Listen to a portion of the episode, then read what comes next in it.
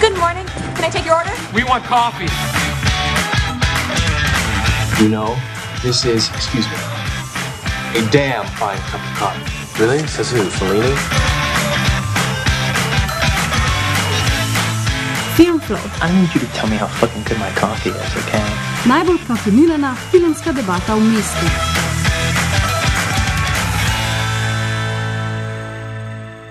Let tudi s. Dragi poslušalci in drage poslušalke, če ne morete verjeti svojim ušesom, naj vam zagotovim, da slišite prav. Poslušate podcast Filmflow. We are back. Woo, fuck yeah! Davnega in gledano z trenutne perspektive, predvsem zelo nedožnega februarja 2020, smo mikrofon začasno postavili v kot. Danes, dobrega pol leta kasneje, ko smo z ljubega jetija obrisali prah in se okrog njega ponovno posedli za mizo v slovenski kinoteki, pa se zdi, kot da so se vmes zgodila stoletja. Tako da v bistvu jaz danes ne vem čistočno, kje sploh začeti. Ampak mogoče bi kar s tem, da sem res, res vesela, da vsaj za enkrat, ker kdo ve, kaj bo pet minut pred polnočjo povedal Kacin, še lahko sedim v istem prostoru s puncami, ki so mi res blizu. Pa mogoče s tem, da se po res, res, ampak res dolgem času veselim pogovora o trikrat počrtano klicaj, klicaj, klicaj novih filmih. Tako da Maja, Veronika in Petra, lepo pozdravljene in hvala, ker ste danes tukaj z mano. Ja, Živijo! Hej.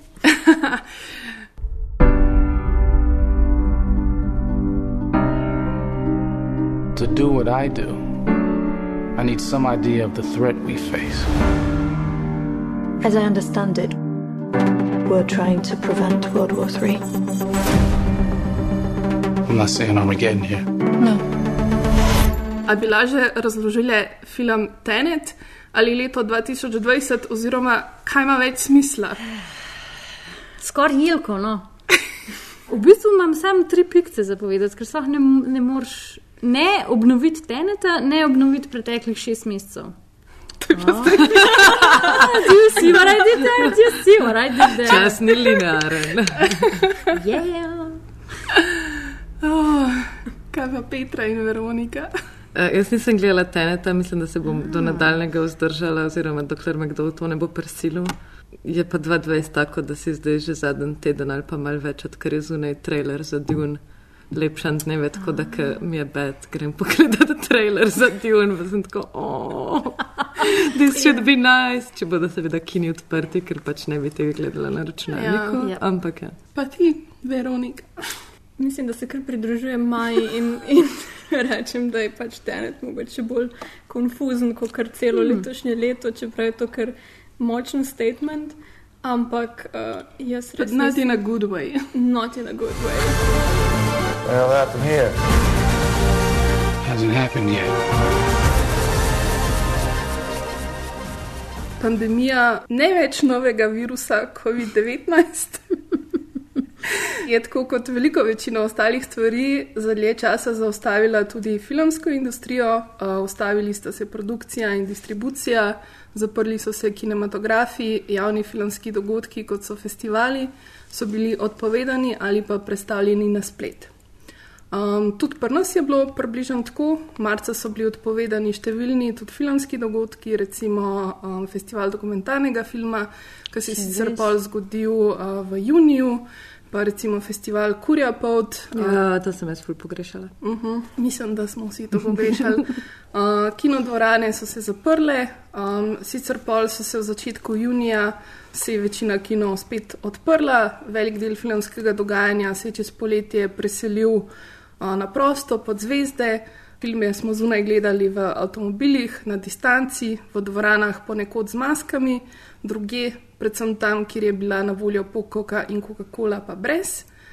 Um, in nekako tako, en dan bolj, drug dan pa mal manj, nedosledno je še vedno. In vsi skupaj lahko samo upamo, da se nam ne bo ponovno zgodilo popolno zaprtje.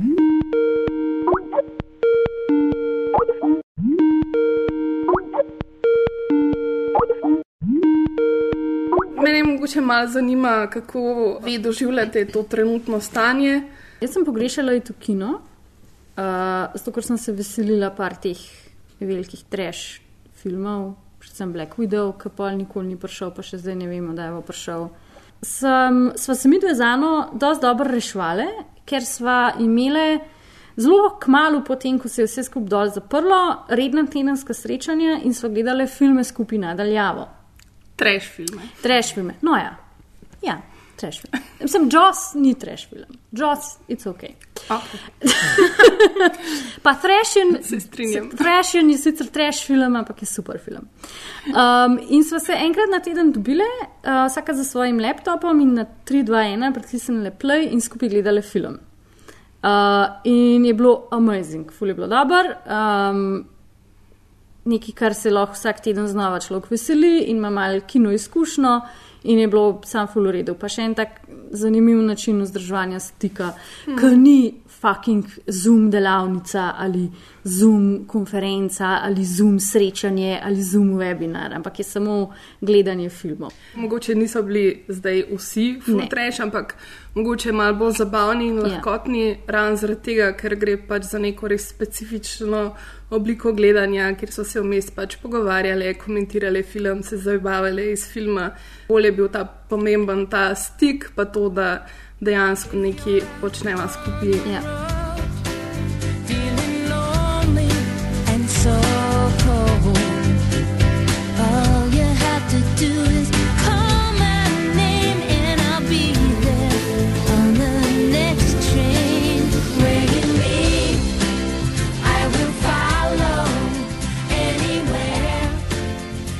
Absolutni antidot za krizne čase in uh, depresijo, uh, to so pač Gilmore Girls, ki sem jih spet pogledala res pač od začetka do konca in je bilo samo fenomenalno. Drugače pa mi je bilo res zelo fajn, ker so s Petro veliko delale uh, to, da sva iskali priporočila za druge ljudi, ki so jih postale pol in na Facebooku od Fiprejskija in ekrana.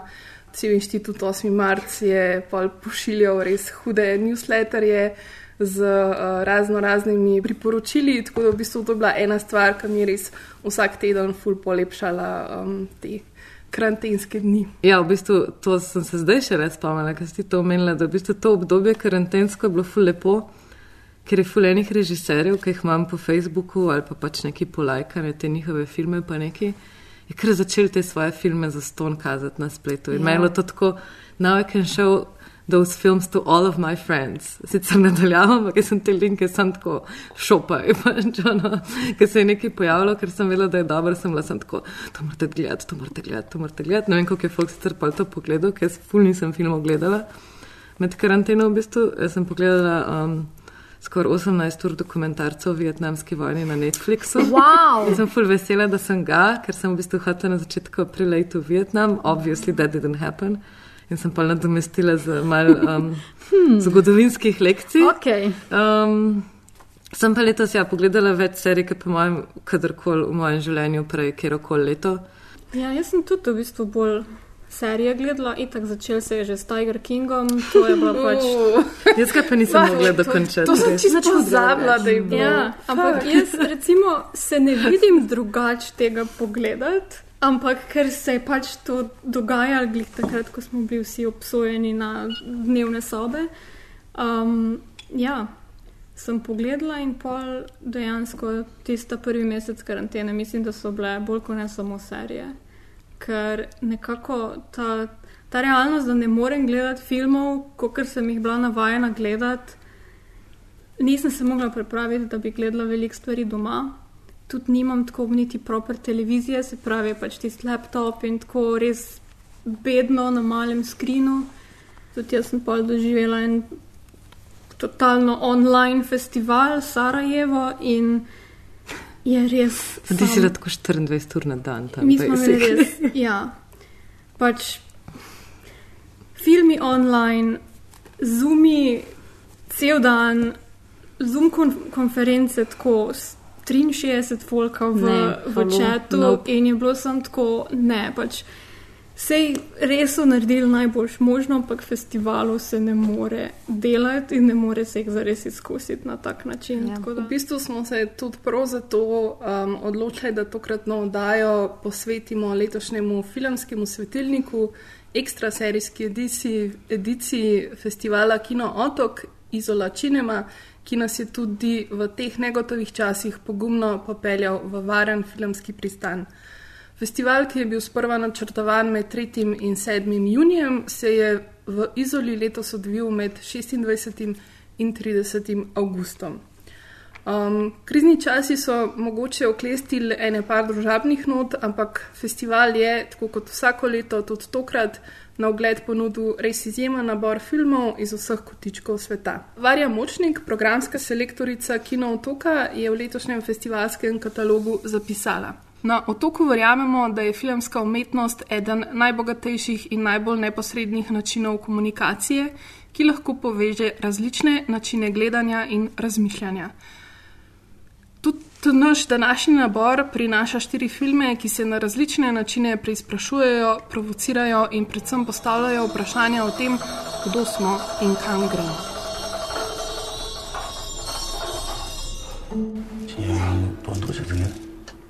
今年读完多久作业？丽娜，请问一下是讲到个？대처는 침을 등에서 지지를.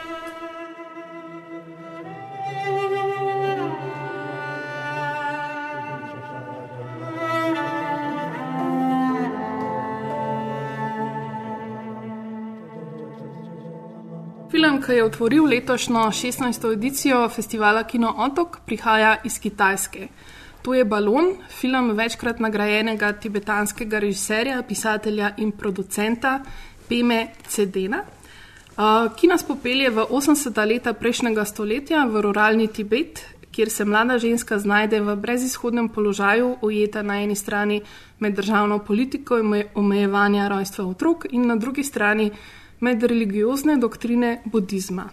Več o filmu pa nam bo povedala Veronika. Žalosten, ampak hkrati humorističen film, res, res neke take lepe nianse je potegnil, pa zelo, zelo mi je ostal um, še par dni z mano, zaradi tega, ker nekako mal prešejka to našo zahodnjaško, zahodnjaški pogled na um, pravico do splava.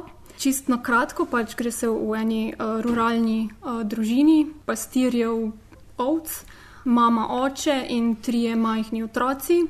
V 80-ih, ko je že Kitajska začela um, s to politiko enega otroka, oziroma v ruralnih predeljih je ponekod bilo dovoljeno do dva ali izjemoma tri, štiri je pač bilo no-go, se že tle pač pojavlja. Um, kondom kot kontracepcija, ki je pač otroci v svoji igri uporabijo za balone in s tem porabijo še, še zadnje kondome staršev.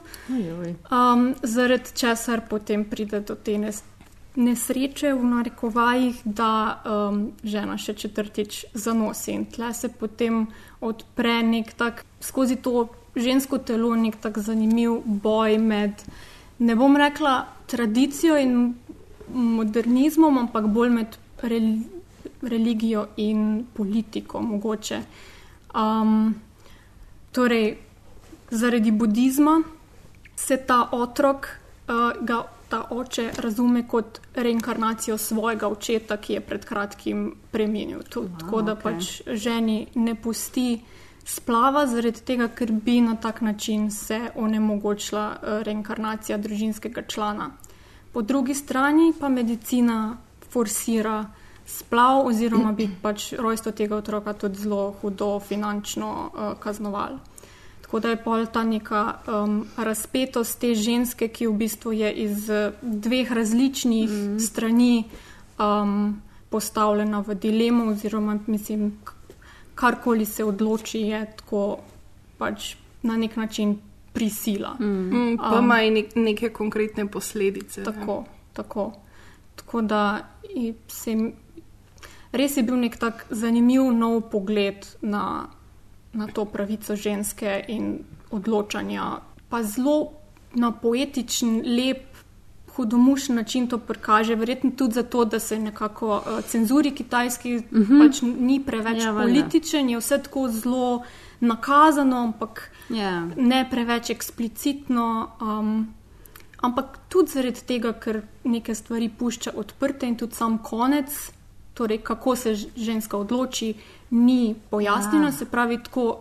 Pušča odprto gledalčevi interpretaciji. Meni je tudi zanimivo, v bistvu to noter povleče tudi sramoto tega, da um, se uporablja kondome, uh -huh. ker v bistvu ta dva otroka, ki se igrata z uh, baloni oziroma kondomi, ne seveda.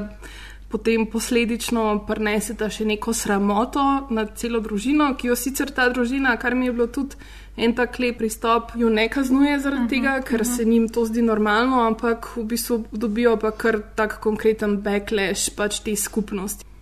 Ja, mogoče sem dosti podoben gledala, kot vidite, po mojem, ta film. Predvsem se mi zdi, da mogoče ni tako bistveno, kaj se zgodi na koncu, ker itak vidiš v filmu, da je pač neka vsa teža teh um, zapovedi, bodi si teh uh, iz strani neke vere oziroma verovanj ali pa bodi si strani države, vedno znova obteži žensko. Mm. Ali s tem, da she can't handle so many children and why should she? In s tem, da pač se mora nekako pač um, zagovarjati tudi potem v bistvu oziroma sprejemati to, da ko zanosi, pa če bi imela še enega otroka, da mm, kako ga bodo preživljali, ne, pravzaprav pa kako bodo plačali to kazen, kaj jim jo država potem mm, da in tako naprej. In na koncu je pač vse, vsakič je ona tista, ki mora nekako Mm. to nositi in to se mi zdi, da film v bistvu zelo lepo povdar in pač zelo tako se ne odstopa od tega. Mogoče Dino mi je bilo včasih malo preveč vsega v tem filmu, ta neka sideline story. Mhm. S to Sestre, sestro, ja. sestre od mame, ki se mi zdi na nek način bila ful lepa, ampak se mi zdi, da bi skoraj bila lahko svoj film, a ne, Mhm. s to celo neko zgodbo pa to, ampak mi je bilo že mal tumač, ker pa sem ful hotla vedeti, kaj se s to sestro zgodi, pa v bistvu pol nismo zvedela, ne. Mi je pa ful lepo posnet, no, ful, ful so neki taki skoraj antropološki posnetki, ful umirjeni, to domovanje njihovo, se mi zdi, da je Mhm. ful lepo pa nekako spoštljivo snemano, Mhm. kako oni pač sobivajo na nekem tem precej v bistvu mehkem prostoru, zaradi česar pač tudi te dva mala dva skozi najdete te kondome, ne. Ker there's not so much space, kjer bi jih unedva lahko skrila.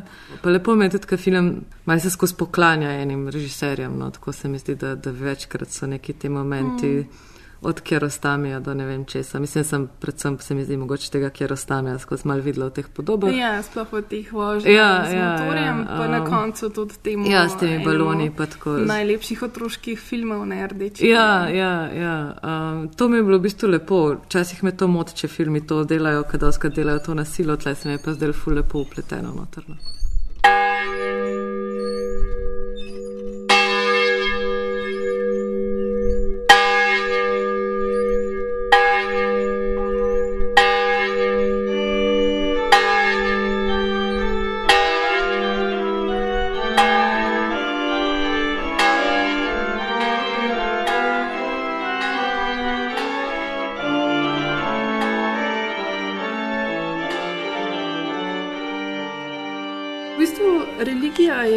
nekako srednja tema tudi v naslednjem filmu, o katerem bo tekla beseda. Gre za tretji celovečerec polskega režiserja Jana Komase, Corpus Christi.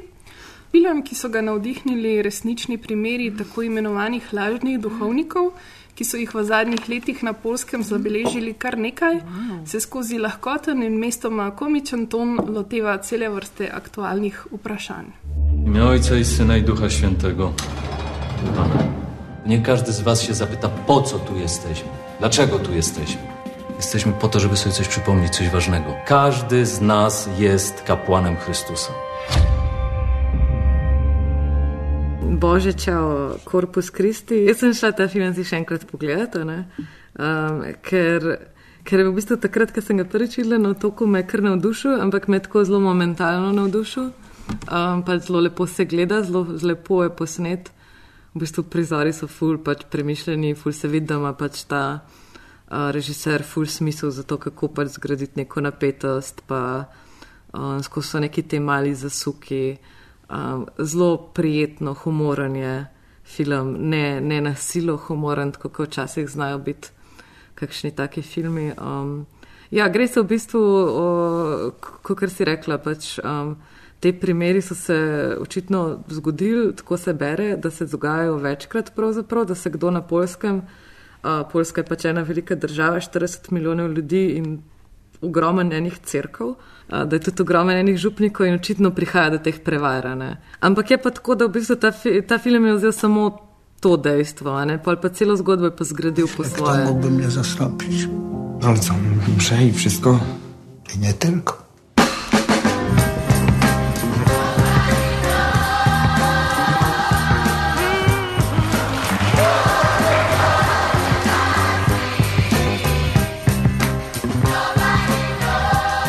Neki filmi prejšnjih let, poljski, ki so bili kakor tako uspešni, ko so prišli na neke festivale ali pa pač v naše kine, recimo, pač so na polskem cele štale povzročale, ne? tako pač zaradi politične situacije, zaradi izjemno nekih konzervativnih struj, političnih, uh, katoliških in tako naprej. Pri tem filmu se pa to ni zgodilo. V bistvu pač tako.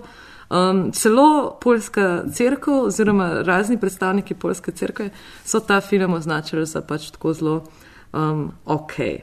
In zdaj pač, um, ne da bi si, jaz, mislim, sigurno nisem človek, ki bi si rekel, da pač če en film, to bo zdaj mal, moram razložiti. ne, nisem človek, ki bi rekel, da če, film, če pač film povzroči neko pač kontroverzo ali pa pač neko štalo, pa domače povedam, da to pomeni, da je film dober, niti slučajno.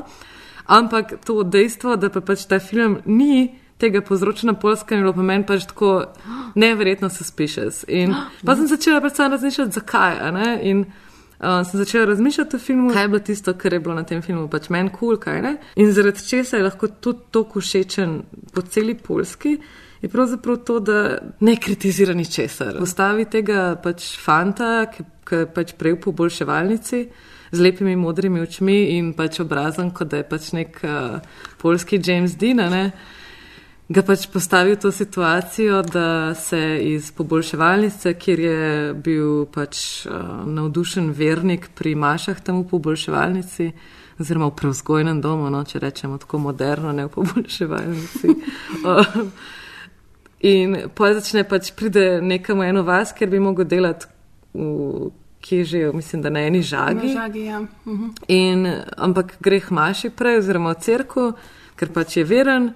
In potem se tam kar eni punci, ki tam sedi, začne pač on predstavljati se kot duhovnik. In pa pač tako fast forward, pač ga kar povlečejo nekako tja. Um, duhovnik v vasi pač ima problem z alkoholom, hoče iti na krajše zdravljenje oziroma odvajanje in njega nastal tja, on pa plays along ne? in je pač ta fake till you make it and he does that. Film je super narejen, ker se vsega tega tiče zelo, zelo, kot se neka zelo gledljiv, ampak pa, ki sem ga še enkrat gledala, sem pa prav začela fuluteno začeti, kaj ta film sploh načne, a kaj načne. Um, a je v čem kritičen do kogarkoli, a je v čem političen in nekako moj zaključek je, da v bistvu ni in se to samo temu zelo uspešno izmika. V bistvu je tako hecno, ne? ker po eni strani bi pričakovali, da bi imeli nek razvoj tega lika, pa tega razvoja zares tok ni, razen v tem, da se on pač totalno uživi v to vlogo duhovnika. Ni to duhovnik, ki je bolj nek ta spiritual leader. Uh, coach, uh, ja, ja, ja.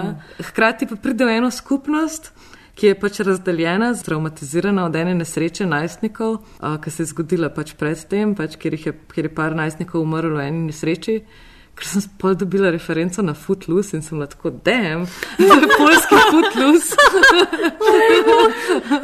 Dejansko je to stvar takih plesnih scen. Ja, ja. In te plesne scene so genialne, ker kdo noče gledati, v bistvu mislim, ker to je tudi nek ta ultimativni katoliški eroticizem. Ne? Pač imaš enega res lepega fanta. Ker tako mal, mal bad boy, fulno podočnjake, skozi kadičike, ne vem, ta tehno skozi nabija zraven, pa pač v cerkvi fule popoje, pa, um, pa ima nek ta cel spiritual moment, um, pa fule pogleda, pa seveda there is a sex scene oh. in the film z njim tudi, a ne? Na oltarju? Um, ne. That would be subversive. Hi, my name is Jan Komasa, the director. Bartosz Bielenia, actor. And we are from the film Corpus Christi. Uh, I was looking for somebody.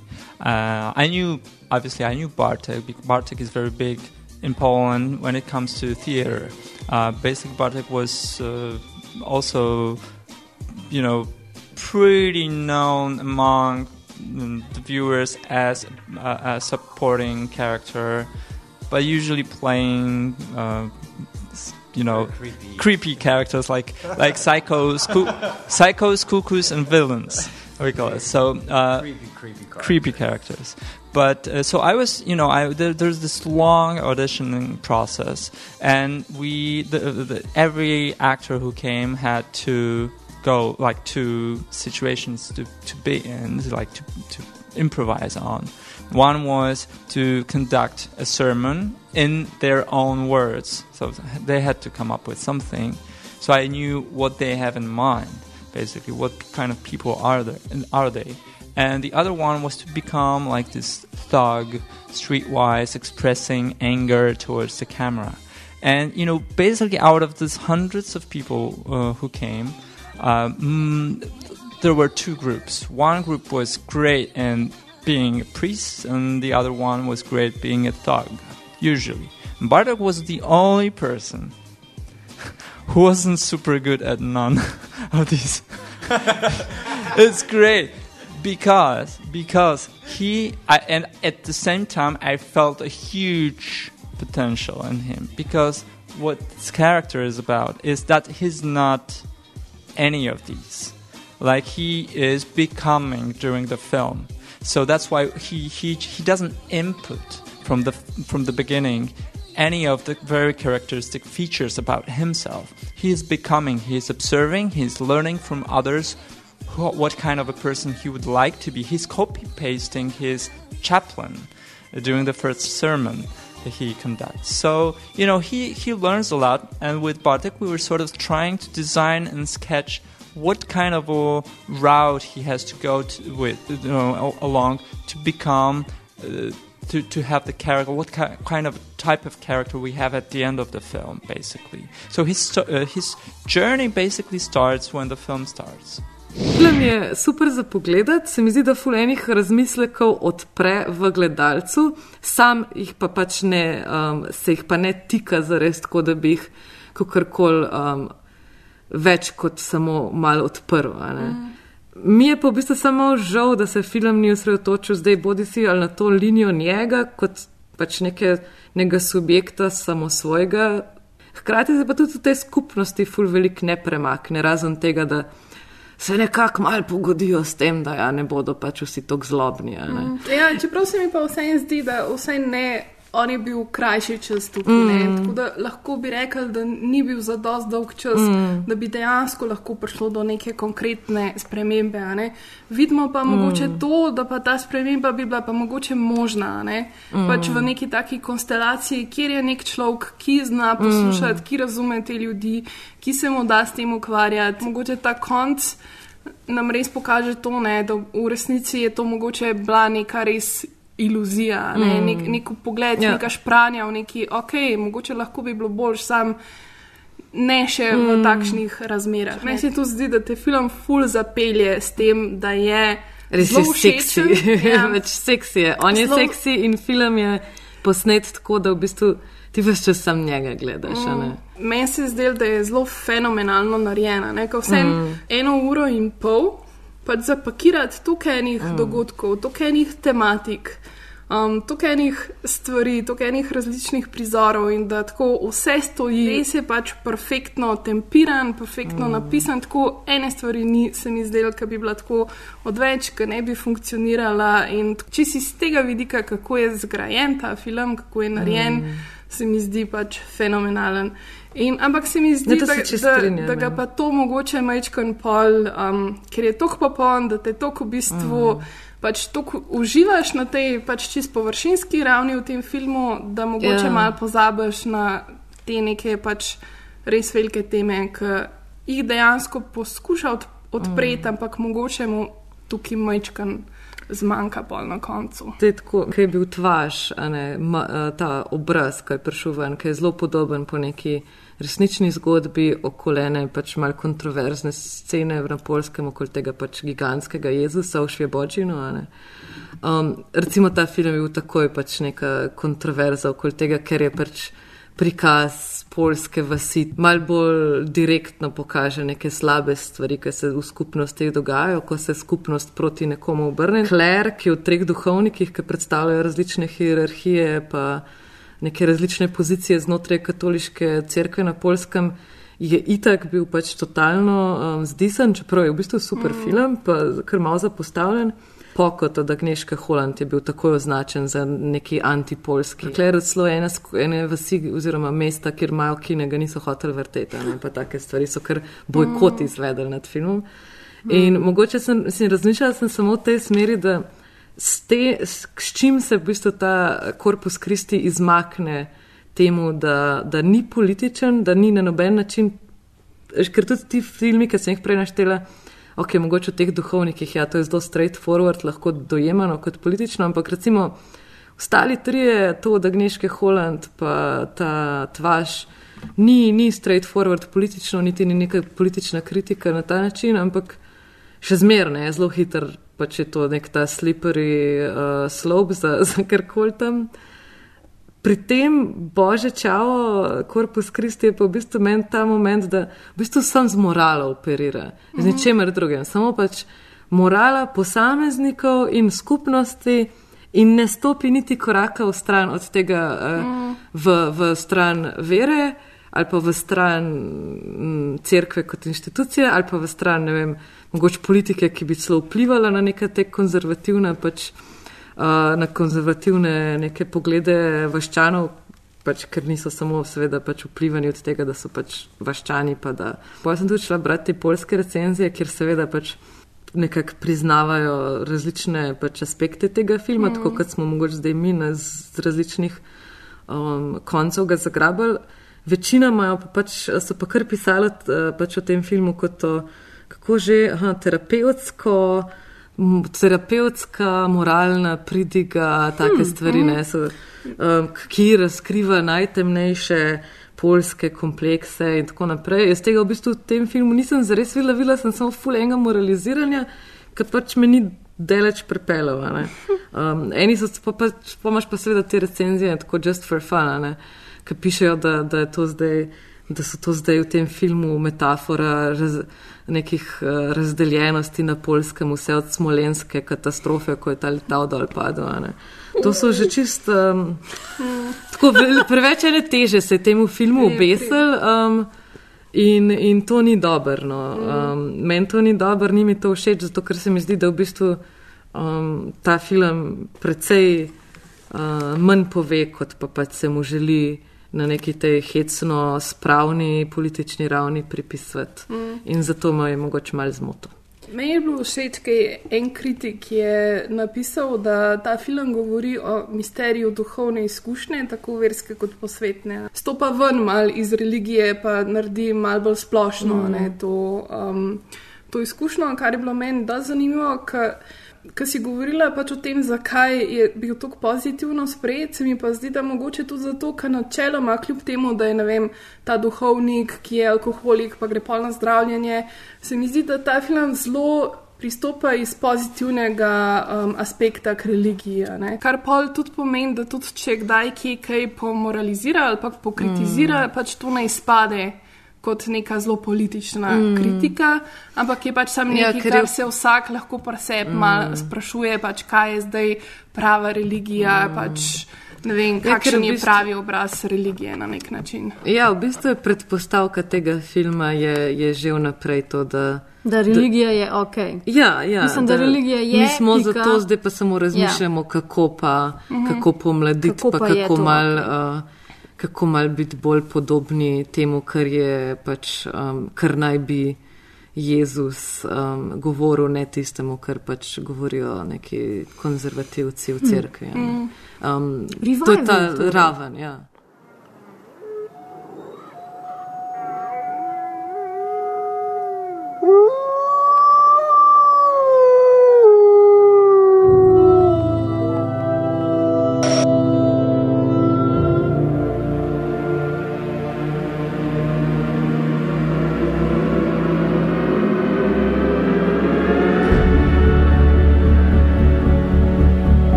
moskovskih ulicah. Vesolski psi so subtilna mešanica observacijskega dokumentarca, ki sledi kar delu moskovskih potepuških psov, nekakšnega zgodovinsko-znanstvenega uvida v pionirske začetke osvajanja vesolja in pa nekakšen semi pravličen esej o človekovem odnosu do živali. Meni je v bistvu začetek tega filma super, ker se začne dosta kot Space Odyssey Tako tudi zelo ima tako uh, musko, da je pol mene že tako, o moj bog, a je to zdaj grozljivka, a bo mene zdaj strah, kako ker je pač rahel dropping the bass, muska je že mene strah. Ampak začne se, začne se s tem, da lajko pošljajo v vesolje in kot sem jaz začutila, da si ti z njo v kapsuli in sem spremljaš to zvok in izgorevanje, ko pač ona gre ven, ko ona prebije orbito in ko se nazaj spušča. In potem se v zelo lepem in spevnem ru ruskem voiceoveru začne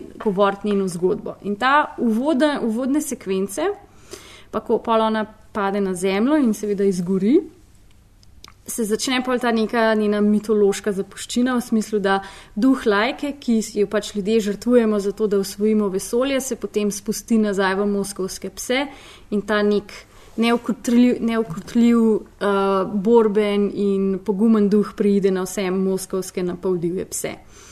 In od tega trenutka naprej potem film tako nekako ping-ponga sem ter tja med krutimi zgodbami o tem, kako smo ljudje pošiljali živali v vesolje, do cute zgodb o tem, kaj, delajo, kaj delata dva moskovska psa v Moskvi, tem, kaj delajo želve v vesolju, tem, kaj delajo opice v vesolju in tako skozi mal ping-ponga sem.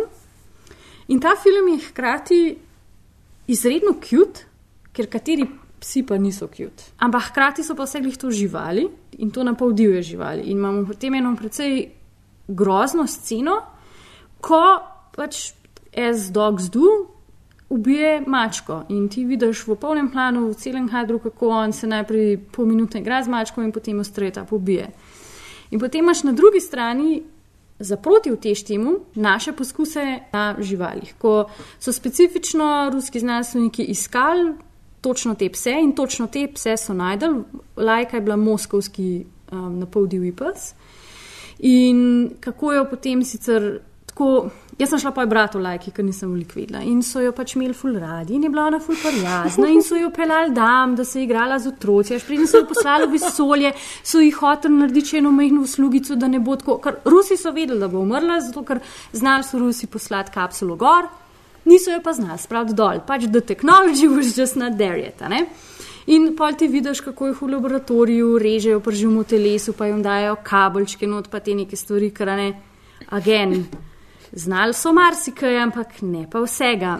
In je tako, in pol ne vem, ok, a ne, lajka umre, pa še par drugih psov, ki jih gor pošljejo, ne pridejo nazaj dol, in potem končno po letih psi pridejo nazaj uspešno, in pol vidiš, kako pač ne vem, pridejo nazaj, pa se z njimi znanstveniki igrajo, pa jih pol posvojijo, pa pol seveda morata se ta dva psa poročiti, pa, pa so puppies, in so pol to space puppies, a veš, in je tako, o moj bog, cute, ne. Mislim pa tukaj je res ta, mislim, mislim pač ta No one stavek- could put it better than you did.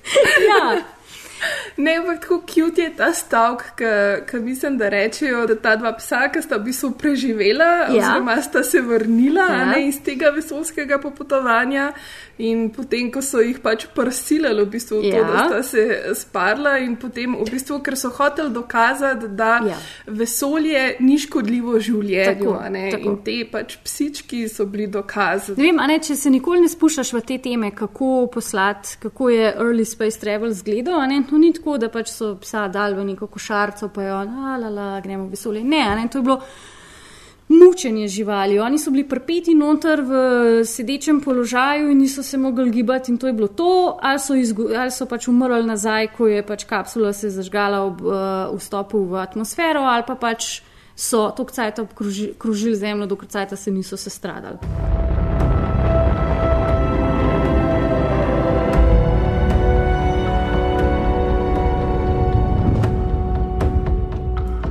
In ta dokumentarc je hkrati zaradi tega, ker prikazuje tako uno ljubko stran ljudi in ljubko stran živali in kruto stran živali in kruto stran ljudi, hkrati istočasno full cute in full krut, ampak ne gre ven iz tega. Mm. Jaz razumem, da mogoče je hotel, kaj sta Antonija želela povedati, čeprav se ne smemo tega vprašati, ker nismo več v osnovni šoli. Pač tematizira to, kako vsako, vsak človeški korak temelji na nekem izkoriščanju in nekem mučenju, in, in mi ne moramo narediti enega koraka, ne da bi zraven pol stvari uničili. Ampak Ali pa tudi ne, I don't know, ker ta film, veš, ko sem jaz, ko je bil, ko je bil film na koncu, sem bila full vesela, da je film na koncu, ker tako sem dala, ok, pač pauza v redu. Ok, kaj pa zdaj? A veš, nisem imela, nisem imela ne neke moralne, moralnega mačka, da bi zdaj mogla pa postati veganka ali pa posvojiti najmanj dva kuška ven iz zavetišča. Niti nisem bila full pissed nad early Soviet scientistom, tako sem bila, ok, slightly traumatized, but not that much bothered. Meni se zdi, da dejansko, kar zmanjka temu filmu, je, da bi imel neko mal bolj konkretno izraženo ja. poanto oziroma rdečo ja. nit. Pač vse je to prvenc dveh okay. mladih avtorjev. Se mi pa zdi vseeno zanimivo, da, oziroma kar sem jaz videla v tem, je to, da poskušata nekako um, se poigrati s tem, da bi pripeljala v film nek pogled, ki ni človeški, ja. ki ni antropocentričen. Ja. Ampak v bistvu nekje na sredi filma ugotovite, da to absolutno ni možno. Ne moramo jih gledati samo kot divje pse, ampak jim enostavno vse čas dajemo človeške lastnosti. Ja. Ne moramo ven iz tega antropocentričnega pogleda. In da je to pač ena lekcija tega filma, Ja. ki, ki nam jo dane. Ker vse je zanimivo, kako se igra z neko to perspektivo. Ja. Kamera je konstantno na tej neki višini mm -hmm. teh psov, kadri so tako odrezani, da mi pač ne vidimo zgornjega dela ljudi, ki se sprehajajo mimo in tako naprej. Tako da dobimo mal ta občutek, kako ti psi pač rulajo po teh moskovskih ulicah, kakšen je približno njihov life. Mm. Me je bila tako moja najljubša je, scena je ta, ko en pes spi in se mu neki sanja Ja. in tako trza Ja. skozi in tako neki laufa v spanju. V bistvu hecno je, ker v vsakem primeru, tudi če ta film ne zastav tega tako, da bi pač antropomorfiziral, a sem prav rekla? Ja, sure. ja. Te pse, a ne, jih mi začnemo. Ja, a veš, ti začneš to, kar si zdaj ti Točno rekla. to, točno pač to. ti si napleteš to zdaj. Ja, neko, ja, ja. O, to je pa bogi, o, to pa nekaj. O, to, mislim, ja, tako, ja, ja, ja, ja. um, Čeprav, moj najljubši kader sicer v tem celem filmu je pa tam, ko uvedemo želve. Ko film pove, da oh, okay, sicer smo zdaj ljudje videli, da znamo preživeti, ampak preden gremo na Luno, bomo mi to probali, kot je. Pa pošljemo dve želvi gor, oni um, zemeljski, mehni. In obstajajo tudi ne zemlje. Uh, ja, vodne, vodne, vodne, vodne, sorry. Uh, Kopenske. kopenske. Space turtles. Space turtles are incoming. In se pojavita pač v kadru dve une, une želve, ne? in pa tako zraven psa, pa tako, aha, ok, ja, connection, space dogs, ja, ok, ok, ta zgodba in seveda pač Rusi, ki nič ne znajo. Um, crkne nekaj in ne, ne, ne obletita lune, ampak pač švigneta mimo in še zdaj letita nekam v neznano vesolje. In pol je en kader, ki imaš tako širok plan nekih kontejnerjev, pa en tip tako hod in se začne Space Odyssey muska. V tistem trenutku sem jaz te poslala, why is this movie so fucking scary? A nekaj imaš ti uno, res uno, tv, neko musko in pa jaz, kva, kva ta fuck se dogaja in un tip tako neki hod in pa kar naenkrat res in tako full close up dve želve na tleh in jaz ko, oh my god, Space Turtles fucking confirmed. In pač, sorry, Ana, film je želel sam to povedati, da pač zdaj, zdaj uh, čakamo invazijo um, Space Turtles, ker pač That's the whole point. 2020 se mi zdi, da ima to vse invazijo Space Turtles. They're still out there. exactly. Oni dve tam zdaj sta, zdaj sta padli na en planet, ki je barely survivable, ven Ja, a veš, splezale, je pa, to. pa kdo ve, kako čas tam poteka. Exactly. tako Da... Mogoče Nolan, mogoče bi on posnel film o teh dveh Space Turtles. Nolan, I hope you're listening. We have script ideas. Mogoče nas bodo te želve enkrat rešile. Maybe.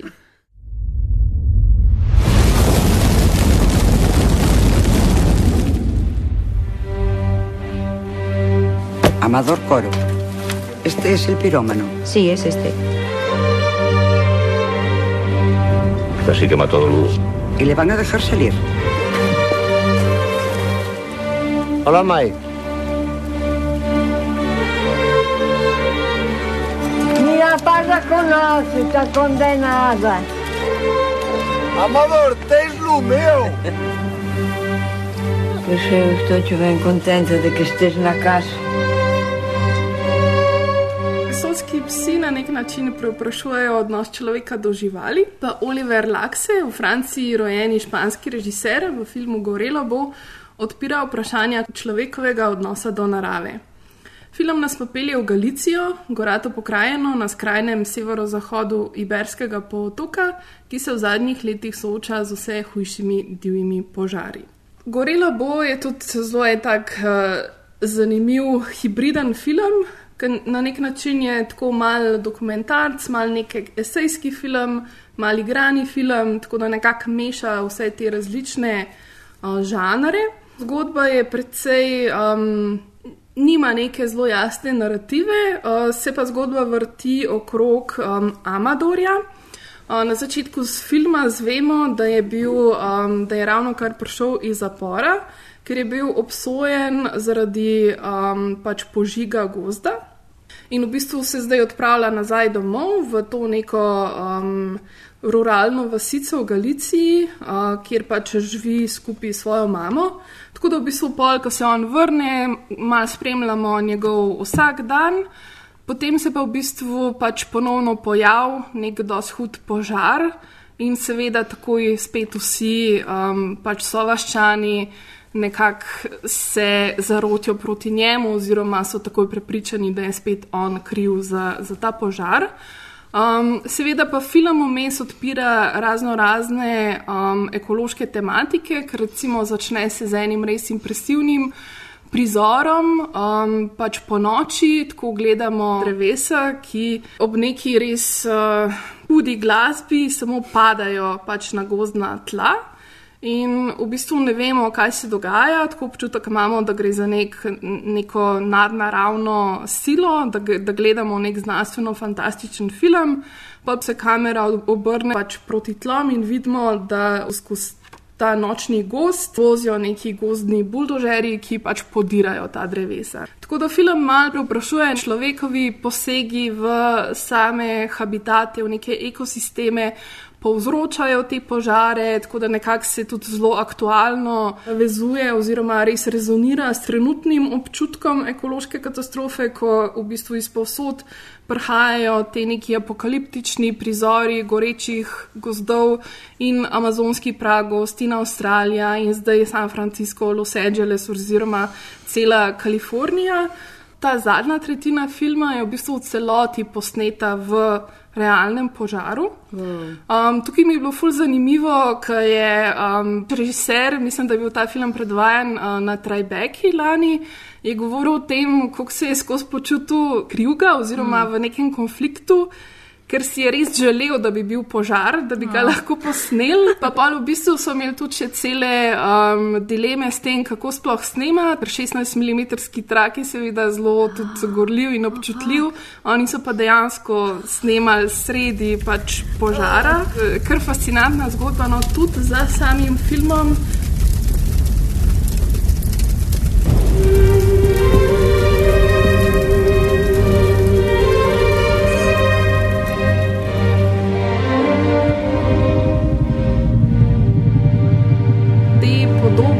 Sploh tega požara, pa tudi prej, no, v bistvu te galicijske pokrajine, so res v bistvu ene izmed najbolj drznih in filmičnih podob letošnjega leta. Tako da, mislim, če kje uspete uloviti ta film, vam ga res zelo toplo priporočam.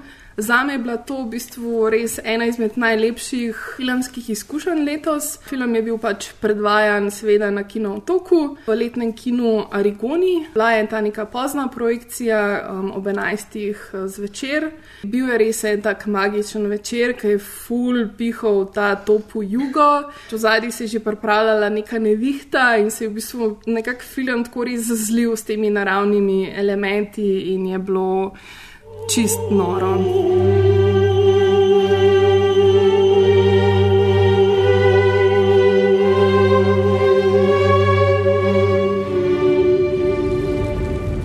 Kater filmski dogodek pa je vam zaenkrat letos ostal najbolj v spominu? Pa če ni bilo dogodkov, Ana, no. ja, blizu. Sam jih je bilo bolj malo. Ja, ne vem, jaz kar malo tako. Bila sem februarja v Rotterdamu in na Berlinalu na festivalih, ampak jaz sem to kar, tako malo že tlačam v neko. To ni 220, Ja, tako da mislim, lahko bi kaj tam izpostavila, sam ne bom, ker pač se mi zdi, da je to tako res drug uh, čas. Mm, Fujno je bilo lepo, ko smo se dobile um, z Fipresci ekipo, pa smo gledali uh, podobno kot vidve.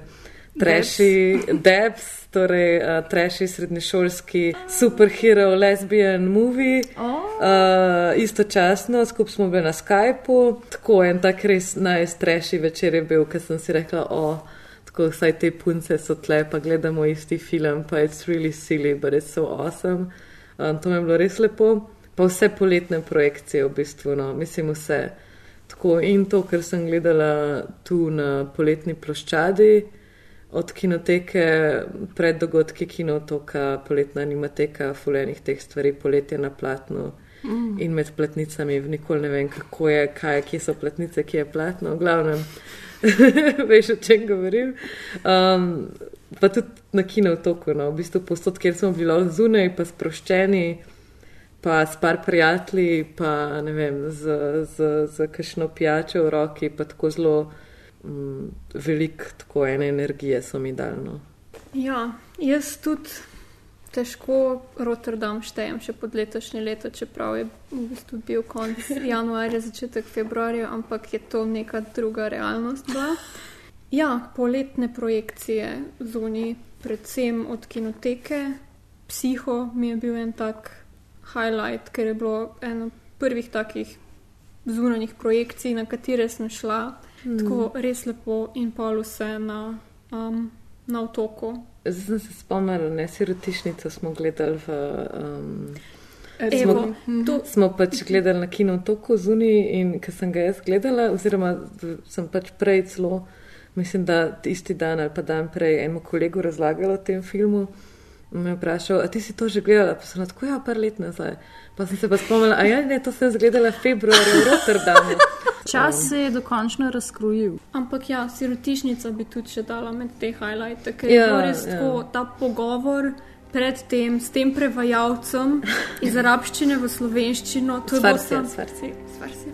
To je bilo sam nekaj najlepšega, Okej. res. In pa še pač ta realnost nevihte, ki je že nekje nad morjem bila in smo gledali samo strele v ozadju, medtem ko pač nad nami so bile še lepe zvezde.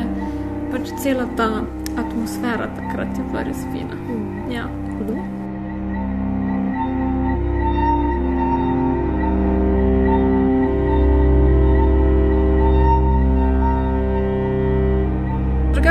To je to za danes. Kaj bomo delali naslednjič v skladu z 2020, še ne vemo. Um, nas pa še vedno lahko najdete na vseh standardnih kanalih, Facebook, Facebook Twitter, Instagram in na spletnih straneh www.filmflow.js in www.apparatus.js. Podpirite kulturo in kulturne dogodke. Lepo, lepo pa vabljeni tudi k branju revije za film in televizijo Ekran, v kateri Petra in Veronika pišeta o super seriji Lahko te uničim. Tako da ja, s to šemles samo promocijo se od vas poslavljamo. Maja, Bye! Petra, Ajdi, Veronika Ciao. in Ana. Čau! Bye! Yay for us!